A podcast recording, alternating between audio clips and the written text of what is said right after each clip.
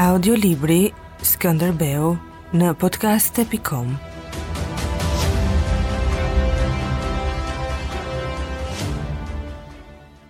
Pjesa e dytë Kapitulli i shtatë Venediku u zbraps e u drodh.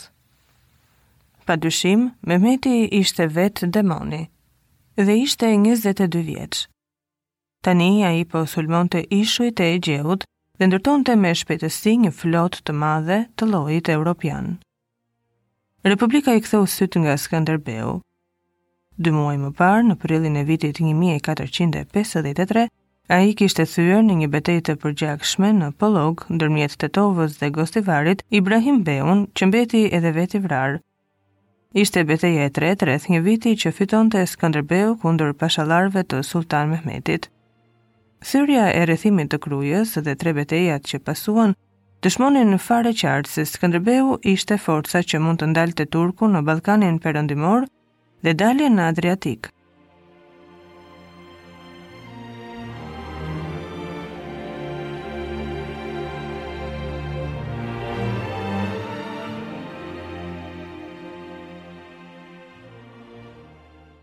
Rrethanat ose gjykimi i cekët kishin penguar senatin të arrinte në kohë në një përfundim të tillë.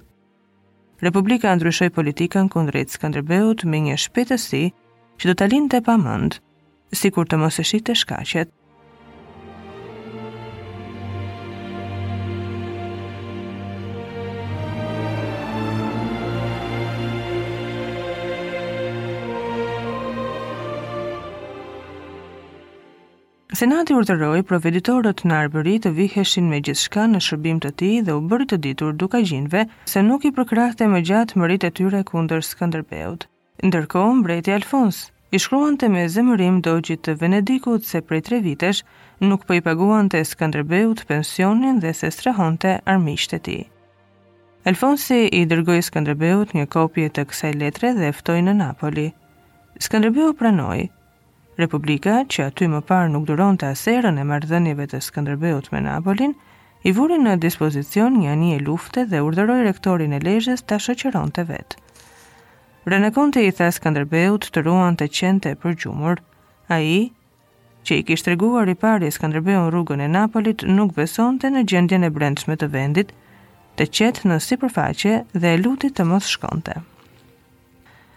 Dy vjet më parë, ishte zbuluar në Kërrab grupi i shtatë vrasësve, pesë turq dhe dy shqiptarë.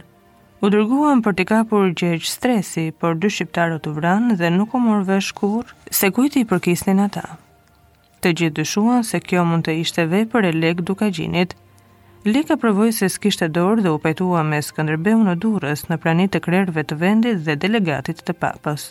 Atëherë, Kush ishte njeriu që komplotoi me turqit vrasjen?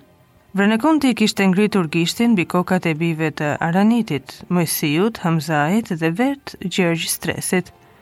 Skënderbeu ishte fyer që u përmendën emrat e nipëve të Moisiut. Vranakonti ia kujtoi Skënderbeut atë komplot që mbeti i errët dhe tha se ndoshta përgatiteshin gjëra të tjera që i mbanin erë tradhtish, po se çfarë dhe kush, këtë nuk e dinte. Skënderbeut i erdhi keq për mikun e tij që, edhe pse i sëmurë, kishte udhëtuar tërë natën nga Mati në Krujë. I shpjegoi se ishte një lidhje me Huniadin nëpërmjet Raguzës. Serbia e Venediku, që kërcënoheshin më fort nga një valë e re e sulmit turk, ishin të gatshme të hynin në luftë. Me këtë lidhje të shteteve do të bashkoheshin edhe Vatikani e Napoli, ndoshta dhe Burgonja. Duke përfituar nga kjo nxitje, duke e tërhequr të parin Alfonsin. Vranakonti ndenji heshtur, nuk besonte vendet e përmendura që do të dilnin në vijën e luftës. Duket se në Mat ti dëgjon gjëra të fryra, tha Skënderbeu. Në thellësi të tokës dëgjohet edhe më mirë, tha Vranakonti. Kjo varet nga veshi, qeshi Skënderbeu. Çerkezët e kanë zakon ta kërkojnë vetë atë që duhet, apo përdorin edhe ndërmjetës. pyeti Vranakonti. Ai kërkoi ndihmën e Tanushit dhe të Vladanit. Skënderbeu u bind të dërgonte në Napoli ushtarakët Pal Kuka, Gjon Perlati e Nikollë Erisi. Këta do t'i kërkonin mbretit Alfons të dërgonte topa, pajisje e mjeshtra për të marrë kalanë e Beratit dhe Vlorën e Kaninën. Të tria këto do të viheshin nën mbrojtjen e mbretit si Kruja. Edhe me të njëjtat forca do të sulmohej Sfetigradi në lindje. Mbreti Alfons pranoi me kënaqësi. Do të niste sa më parë 5000 topa të rëndë, 17 të lehtë dhe 1000 ushtarë të pajisur me mjete të rrethimit dhe të shembjes së mureve. I dërgoi Skënderbeut dhurata, i pagoi pensionin dhe as u zu në gojë ndonjë haraç.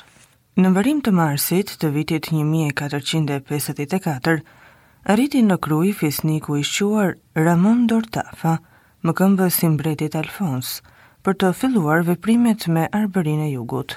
Një ceremoni u mbajt në kështjell në prani të ushtarakëve të Principatës së Arbërisë dhe disa miqve, gjatë së cilës Ramonit iu dhanë çelësat e portës. At Stefani mbajti një fjalim Dhe përmendi se rrumbullak shtatëdhjetë vjet më parë, një tjetër napoletan i famshëm, kapiten Narzon de Tusiako, ishte pritur në Krujë si mëkëmbës i mbretit. Ramoni lexoi një dekret me anë të të cilit Alfonsi i njihte qytetit të lartë të Krujës të drejtat dhe privilegjet e shpallura në kohë të lashta prej perandorëve të Konstantinopojës e të përtëritura më pas nga të gjithë mbretërit që sunduan këtë qytet. Dekreti shkaktoi habi. Askujt nuk i shkonte ndër mend të kërkonte vërtetim mbi të drejtat dhe pronat, dhe koha e mbretërve të huaj kishte kaluar. Po meqë Alfonsi i Napolit donte të tregonte bujari, dhurata e tij u pranua me buzëqeshje. Me sa dukej do të luheshin disa komedi, si ajo puna e çelësit të kështjellës. Ardhja e të huajve nuk solli ndonjë ndryshim në jetën e përditshme, veçse u duk sikur sendet s'kishin më atë kuptimin e parë.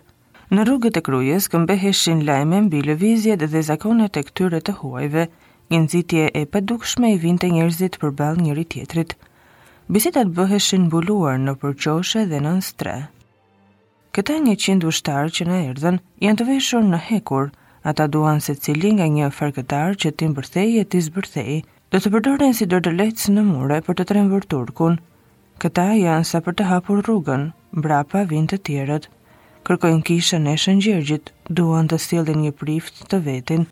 Të paktën të na lënë Skënderbeun. I huaj u vendos në Krujë, ai do të mbledhë taksat. Më duket se ke fjetur shtrembër, Skënderbeu do të përfitojë, të gjitha i ka në dorë vetë. Ashtu vërtet, po mund të përfitonte edhe nga Venediku, pa qenë nevoja të sillte këta. Thonë se do të ndërrojmë flamur. Për këtë fjalë e ke hak të rrihesh në treg me daulle. Pranvera nuk ecte, dukej sikur ishte në ajër. Në kështjellë edhe më parë kishin shërbyer të huaj. Ata që kishin ardhur tani silleshin me ndrojtje dhe pothuaj nuk kapërcenin portën. Përshpëritjet filluan të reshtin. Asgjë s'kishte ndryshuar në jetën e popullit. Po afronte koha e drapërit të parë dhe shtrëngimit të bagëtive, meqë nuk bëhej ndonjë thirrje e re nën armë, secili i shpejtonte të vinte punët në vijë.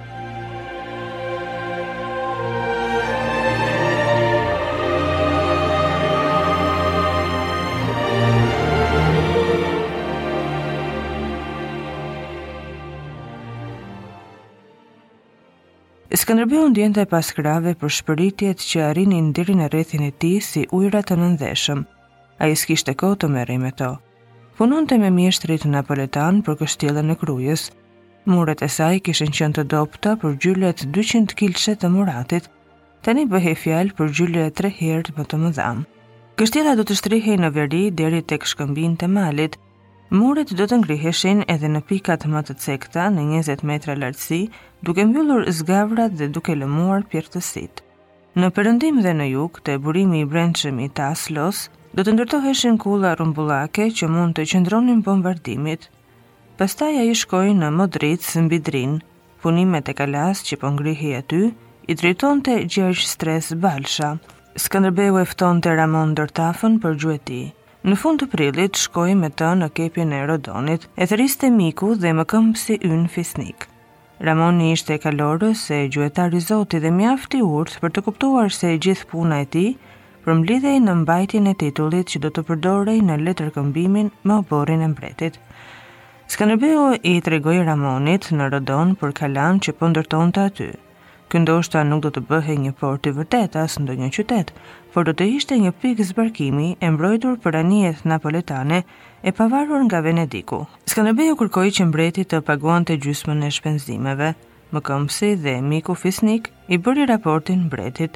Në principatën e Arbërisë ziente puna, vendi nxitonte të përfitonte nga mungesa e luftës.